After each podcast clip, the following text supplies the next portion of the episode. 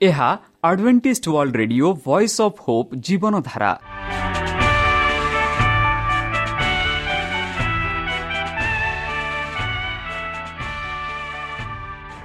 Odia radio କାର୍ଯ୍ୟକ୍ରମ ଯାହା ଆମର ଆନ୍ତର୍ଜାତୀୟ ଆଘାତ କେନ୍ଦ୍ରରୁ ପ୍ରସାରଣ କରାଯାଉଛି ପ୍ରତିଦିନ ରାତି ନଅଟା ତିରିଶ ମିନିଟ୍ରେ।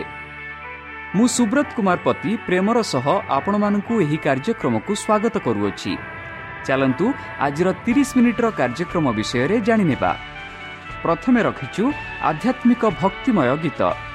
ଏହାପରେ ଶୁଣିବା ସ୍ୱାସ୍ଥ୍ୟ ବିଷୟରେ ଯାହା ଆମର ଦୈନିକ ଜୀବନରେ ଅତ୍ୟନ୍ତ ଜରୁରୀ। ଆଉ ପରିଶେଷରେ ଶୁଣିବା ପରମେଶ୍ୱରଙ୍କ ଭକ୍ତଙ୍କଠାରୁ ଜୀବନଦାୟକ ଈଶ୍ୱରଙ୍କ ବାକ୍ୟ। ପ୍ରିୟ ଶ୍ରୋତା ତାହେଲେ ଚାଲନ୍ତୁ ଶୁଣିବା ଏକ ଆଧ୍ୟାତ୍ମିକ ଭକ୍ତିମୟ ଗୀତ।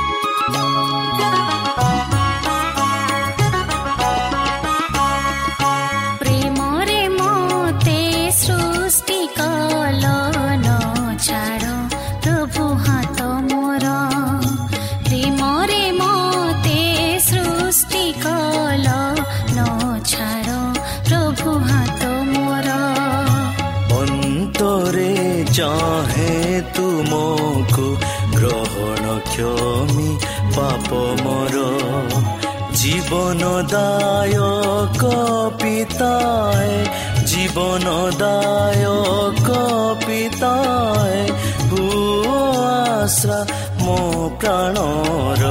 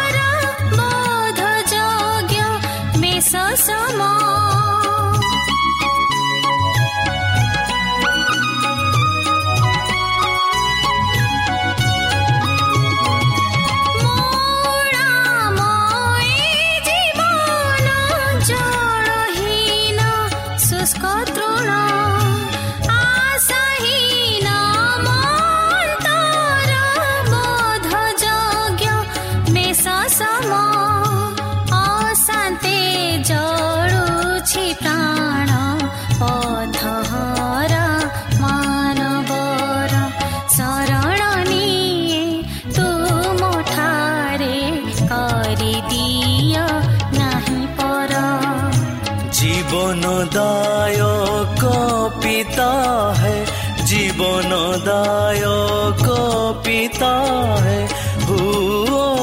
আশা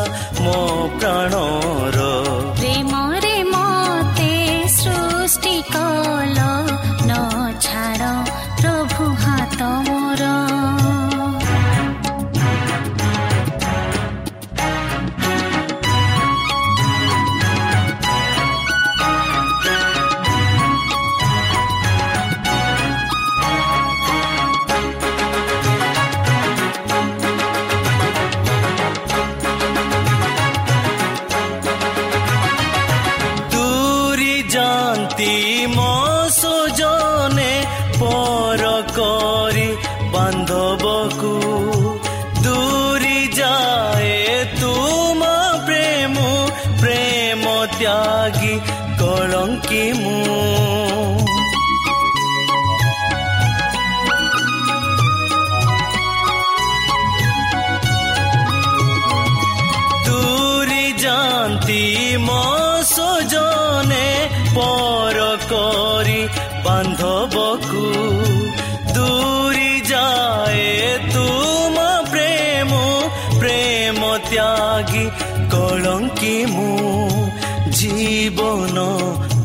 ବୋଝେ ସଢୁଛି ସାଥେ ନାହିଁ କେହି ମୋର ତୁମ ସାନିଧ୍ୟ ଚାହୁଁଛି କରିଦିଅ ନାହିଁ ଦୂର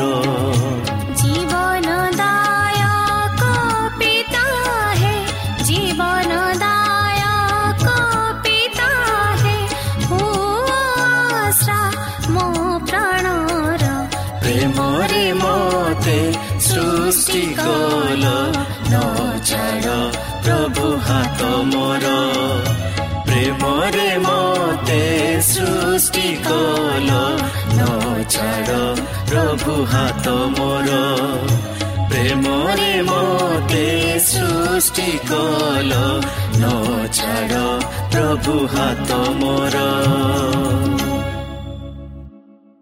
প্রিয় শ্রোতা আমি আশা করুଛୁ ଯେ ଆମର କାର୍ଯ୍ୟକ୍ରମ ଆପଣମାନଙ୍କୁ ପସନ୍ଦ ଲାଗୁଥିବ ଆପଣଙ୍କର ମତାମତ ଜଣାଇବା ପାଇଁ ଆମର ଏହି ଠିକଣାରେ ଯୋଗାଯୋଗ କରନ୍ତୁ ଆମ ଠିକଣା Adventist Media Centre SDA Mission Compound Salisbury Park Pune ଚାରି ଏକ ଏକ ଶୂନ ତିନି ସାତ ମହାରାଷ୍ଟ୍ର ବା ଖୋଲନ୍ତୁ ଆମର ୱେବସାଇଟ୍ ଯେକୌଣସି Android phone smartphone desktop laptop କିମ୍ବା ଟ୍ୟାବ୍ଲେଟ୍ ଆମର website W W W dot A W R dot O R G slash O R I ଏବଂ W W W dot Adventist Media Centre India dot O R G ବର୍ତ୍ତମାନ ଚାଲନ୍ତୁ ଶୁଣିବା ଈଶ୍ୱରଙ୍କ ଭକ୍ତଙ୍କଠାରୁ ଈଶ୍ୱରଙ୍କ ଜୀବନଦାୟକ ବାକ୍ୟ।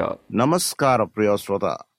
ସେହି ସର୍ବଶକ୍ତି ସର୍ବଜ୍ଞାନୀ ପ୍ରେମର ସାଗର ଦୟାମୟ ଅନ୍ତର୍ଜମୀ ଅନୁଗ୍ରହ ପରମ ପିତାଙ୍କ ମଧୁର ନାମରେ ମୁଁ ପାଷ୍ଟ ପୂର୍ଣ୍ଣଚନ୍ଦ୍ର। ଆଉ ଥରେ ଆପଣମାନଙ୍କୁ ଏହି କାର୍ଯ୍ୟକ୍ରମରେ ସ୍ୱାଗତ କରୁଅଛି। ସେହି ସର୍ବଶକ୍ତି ପରମେଶ୍ୱର ଆପଣମାନଙ୍କୁ ଆଶୀର୍ବାଦ କରନ୍ତୁ। ଆପଣଙ୍କୁ ସମସ୍ତ ପ୍ରକାର ଦୁଃଖ କଷ୍ଟ ବାଧା କ୍ଲେଶ ଓ ରୋଗରୁ ଦୂରେଇ ରଖନ୍ତୁ।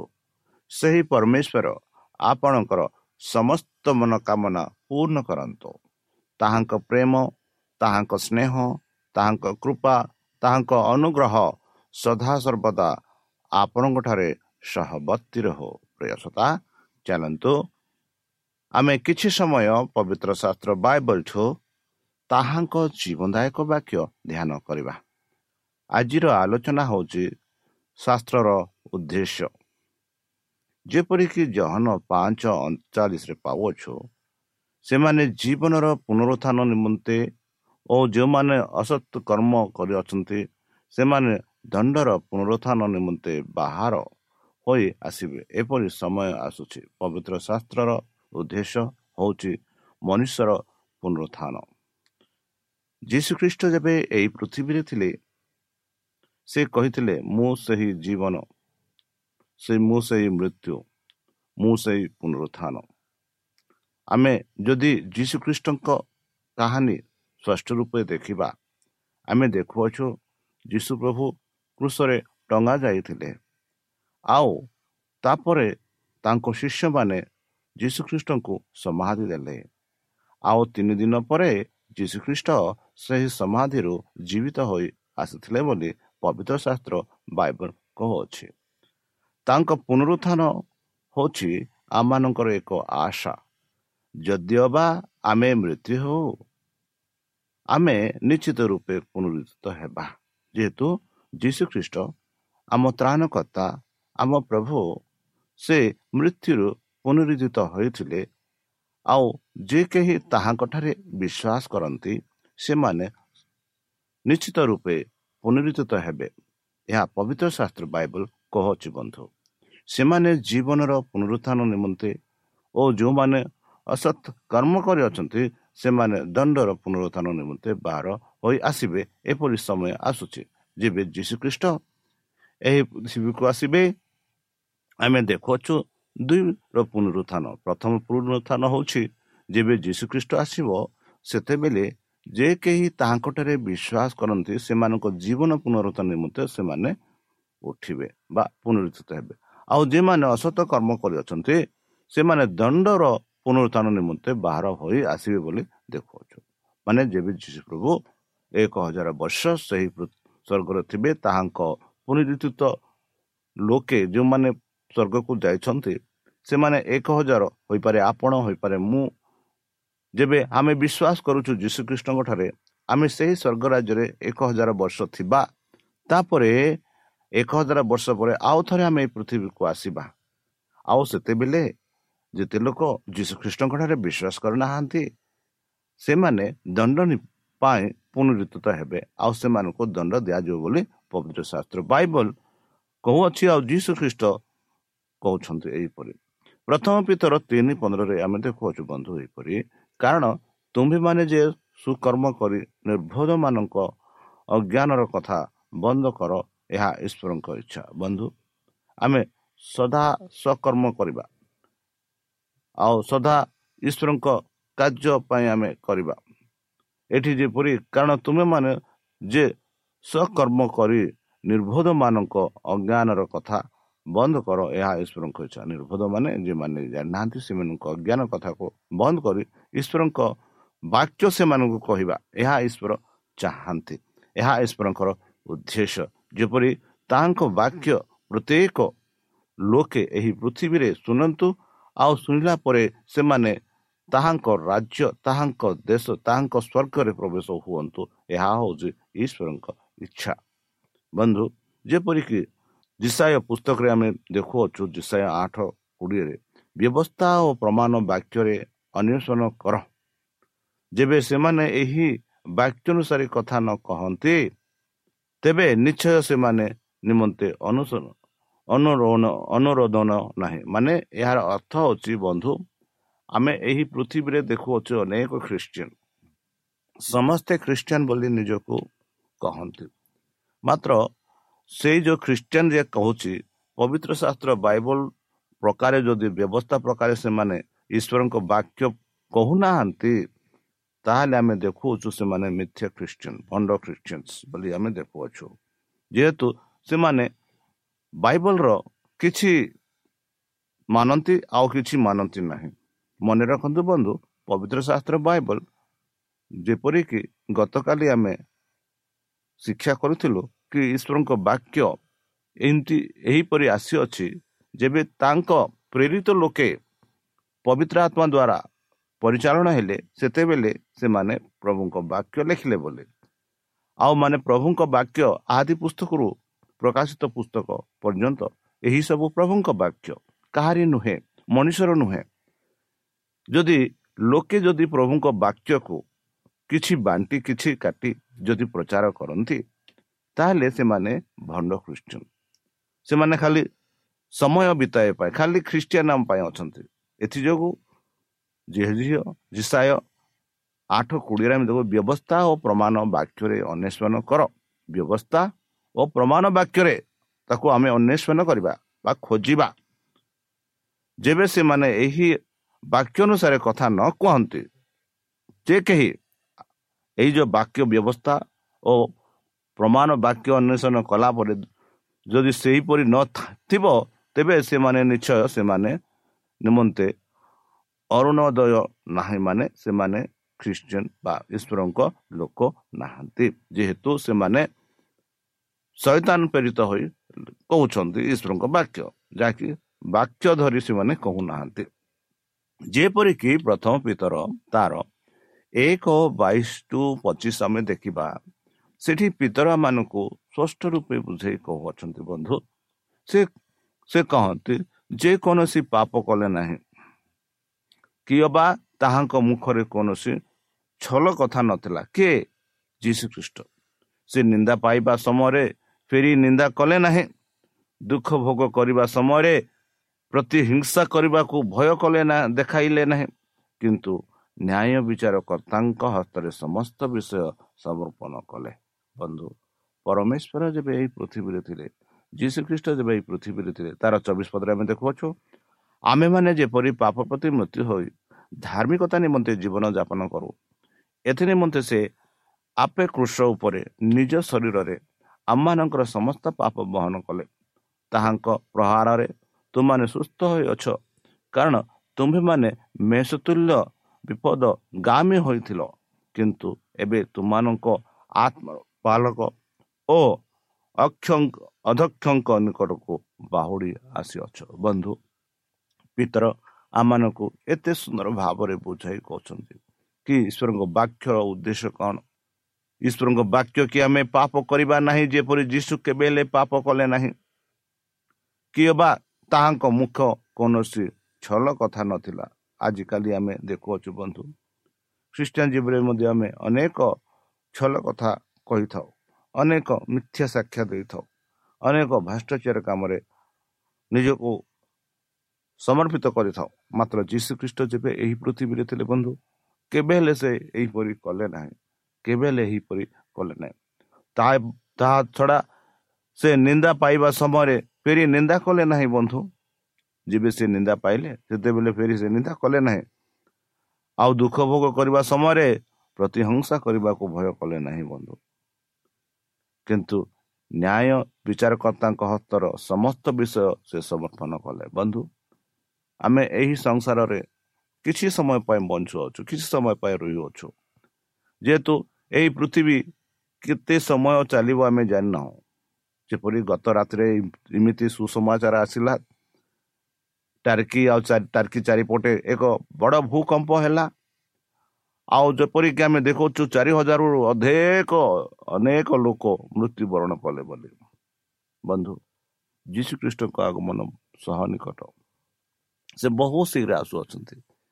ଯାହା ଯାହା ଆମ ଚାରିପାଖେ ଘଟୁଅଛି ବନ୍ଧୁ ଏହା ଆମମାନଙ୍କୁ ଦର୍ଶାଉଅଛି କି ଯୀଶୁ ଖ୍ରୀଷ୍ଟଙ୍କ ଆଗମନ ବହୁତ ପାଖରେ ଅଛି ବହୁତ ପାଖରେ ଅଛି।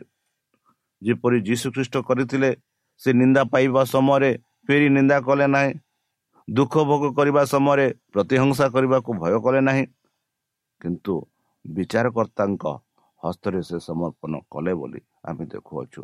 ହଁ ବନ୍ଧୁ ପରମେଶ୍ୱର ଆମମାନଙ୍କ ବିଚାରକର୍ତ୍ତା ସେ ଆମର ବିଚାର କରିବ। ଆମମାନେ ଯେପରି ପାପ ପ୍ରତି ମୃତ୍ୟୁ ହୋଇ ଧାର୍ମିକତା ନିମନ୍ତେ ଜୀବନଯାପନ କରୁ ଏଥି ନିମନ୍ତେ ସେ ଆପେ କୃଷ ଉପରେ ନିଜକୁ ଶରୀର ଆତ୍ମା ଆମମାନଙ୍କ ସମସ୍ତ ପାପ ବହନ କଲେ ତାହାଙ୍କ ପ୍ରହାରରେ ଆମମାନେ ସୁସ୍ଥ ହୋଇଅଛୁ ବନ୍ଧୁ। କାରଣ ଆମେମାନେ ମେଷ ତୁଲ୍ୟ ବିପଦଗାମୀ ହୋଇଥିଲୁ ବନ୍ଧୁ। କିନ୍ତୁ ଏବେ ଆମ୍ଭେମାନେ ଆତ୍ମାର ପାଲକ ଓ ଅଧ୍ୟକ୍ଷଙ୍କ ନିକଟକୁ ବାହୁଡ଼ି ଆସିବା ଉଚିତ। ଆମ ପ୍ରଭୁ ଯୀଶୁ ଆମମାନଙ୍କ ପାଇଁ ଅପେକ୍ଷା କରି ଅଛନ୍ତି। ବନ୍ଧୁ ଜହନ ଆଠ ଏକତିରିଶ ବତିଶରେ ଆମେ ପାଉଛୁ ଏବେ ଯୀଶୁ ତାହାଙ୍କୁ ବିଶ୍ୱାସ କରିଥିବା ଯୁହୁଦୀମାନଙ୍କୁ କହିଲେ ଯଦି ତୁମାନେ ମୋର ବାକ୍ୟର ସ୍ଥିର ହୋଇ ରହିବ ତେବେ ତୁମାନେ ପ୍ରକୃତରେ ମୋର ଶିଷ୍ୟ। ପୁଣି ତୁମାନେ ସତ୍ୟ ଜ୍ଞାତ ହେବ ଓ ସେହି ସତ୍ୟ ତୁମାନଙ୍କୁ ମୁକ୍ତ କରିବ ବନ୍ଧୁ। କେଡ଼େ ସୁନ୍ଦର ଭାବରେ ଯୀଶୁ ଖ୍ରୀଷ୍ଟ କହୁଛନ୍ତି। ଯଦି ତୁମେ ମୋତେ ବିଶ୍ୱାସ କରୁଛ ତେବେ ମୋର ବାକ୍ୟରେ ତୁମେ ସ୍ଥିର ରହିବ ଯଦି ଆମେ ଯୀଶୁ ଖ୍ରୀଷ୍ଟଙ୍କ ଠାରେ ବିଶ୍ୱାସ କରୁଛୁ ବନ୍ଧୁ ତେବେ ଆମମାନେ ତାହାଙ୍କ ବାକ୍ୟରେ ସ୍ଥିର ରହିବା ତେବେ ଆମମାନେ ପ୍ରକୃତରେ ତାହାଙ୍କ ଶିଷ୍ୟ ହେବା। ଆମେମାନେ ସତ୍ୟ ଜ୍ଞାତ ହେବା ଆଉ ସେହି ସତ୍ୟ ଆମମାନଙ୍କୁ ମୁକ୍ତ କରିବ ବନ୍ଧୁ। ପବିତ୍ର ଶାସ୍ତ୍ର ବାଇବଲ ଆମମାନଙ୍କ ସମସ୍ତ ପାଖରେ ଅଛି। ଯଦି ଆମେ ସବୁବେଳେ ସେହି ପବିତ୍ର ଶାସ୍ତ୍ର ବାଇବଲ ପଢ଼ିବା ଯେହେତୁ ସେହି ପବିତ୍ର ଶାସ୍ତ୍ର ବାଇବଲ ହେଉଛି ଈଶ୍ୱରଙ୍କ ବାକ୍ୟ ଆଉ ସେ ବାକ୍ୟ ମାନଙ୍କୁ ଈଶ୍ୱରଙ୍କ ଉଦ୍ଦେଶ୍ୟ ମାନଙ୍କୁ କହୁଅଛି।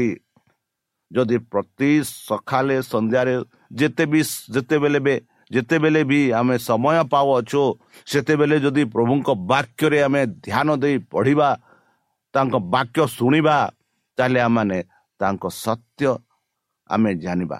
ଯେବେ ତାଙ୍କ ସତ୍ୟ ଆମେ ଜାଣିବା ଆମମାନଙ୍କୁ ସେହି ସତ୍ୟ ଆମକୁ ସେଇ ଦୁଃଖ କଷ୍ଟ ବାଧା କ୍ଲେଶରୁ ମୁକ୍ତ କରିବ ବନ୍ଧୁ। ଏହି କଥା ଯୀଶୁ ଖ୍ରୀଷ୍ଟ ସେହି ଜିହୁଦୀ ମାନଙ୍କୁ କହିଲେ କି ତୁମେମାନେ ଯଦି ମୋ ଠାରେ ବିଶ୍ୱାସ କରିବ ଆଉ ତୁମେମାନେ ଯଦି ମୋର ବାକ୍ୟରେ ସ୍ଥିର ରହିବ ତେବେ ପ୍ରକୃତରେ ତୁମାନେ ମୋର ଶିଷ୍ୟ ବୋଲି ସେ କହନ୍ତି। ସେହିପରି ଯଦି ଆମେମାନେ ତାଙ୍କ ବାକ୍ୟରେ ସ୍ଥିର ରହିବା ଯୀଶୁଖ୍ରୀଷ୍ଟଙ୍କୁ ବିଶ୍ୱାସ କରିବା ତେବେ ଆମେ ପ୍ରକୃତରେ ଆମେ ଯୀଶୁଖ୍ରୀଷ୍ଟଙ୍କ ଶିଷ୍ୟ ହେବା। ଆମମାନେ ସେଇ ସତ୍ୟ ଆମେ ଜାଣିବା ଆଉ ସେ ସତ୍ୟ ମାନଙ୍କୁ ମୁକ୍ତ କରିବ।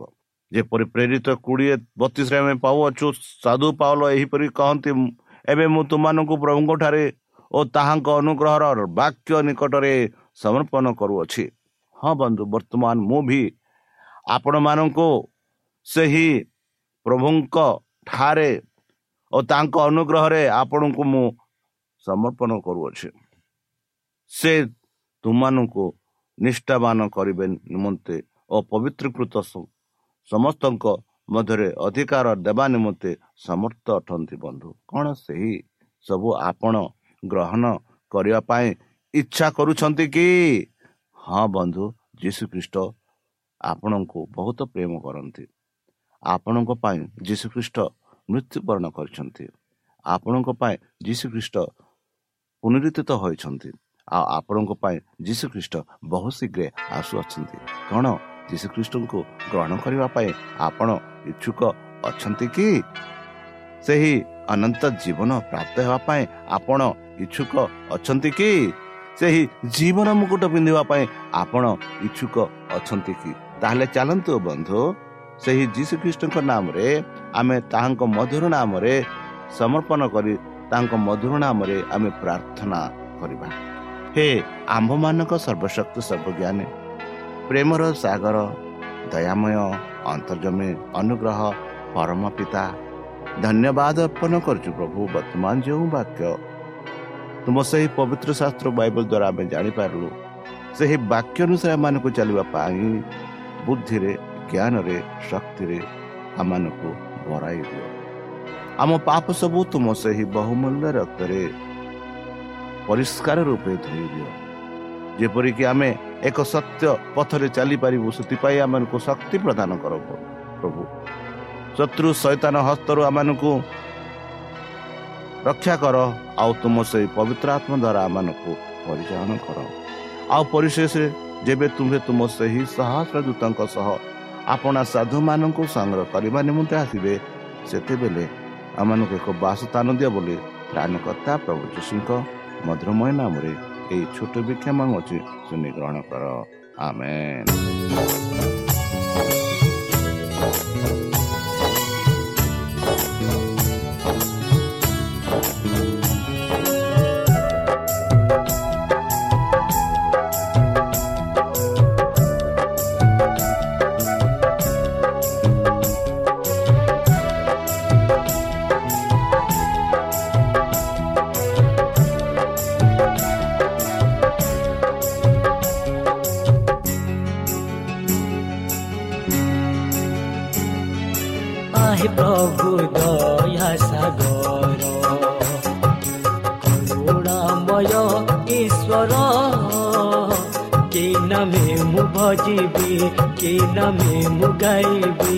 You.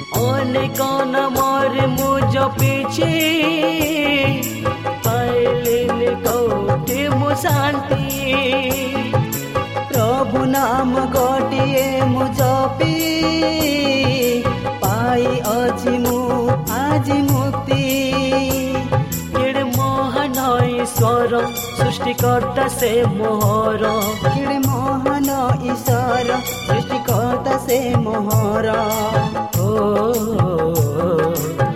प्रभु दया सागर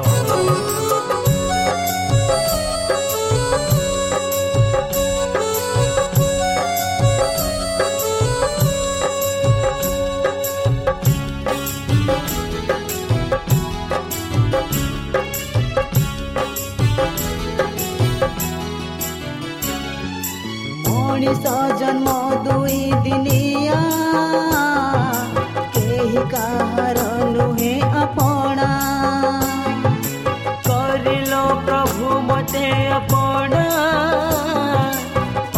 तीरुहेल मुसकोना आए ईश्वर नन्दन आए पतित पवन आए ईश्वर नन्दन आए पतित पवन ओ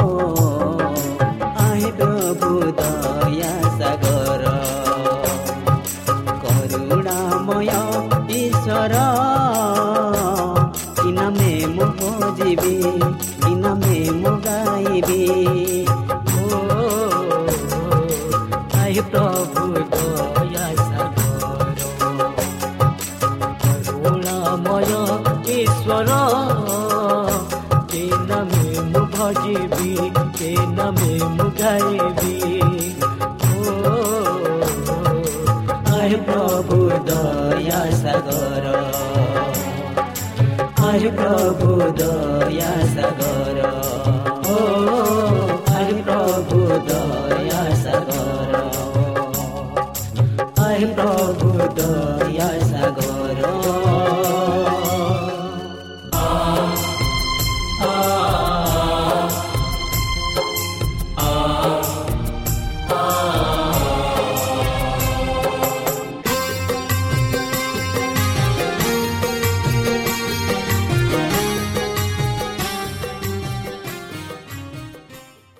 শ্রোতা আমি আশা করুছু যে আমার কার্যক্রম আপনার পসন্দ লাগুব আপনার মতামত পাই আমার এই ঠিকার যোগাযোগ করতু আমার ঠিকনা advantage Media Centre SDA Mission Compound সাি Park Pune চারি এক এক শূন্য তিন সাত ମହାରାଷ୍ଟ୍ର।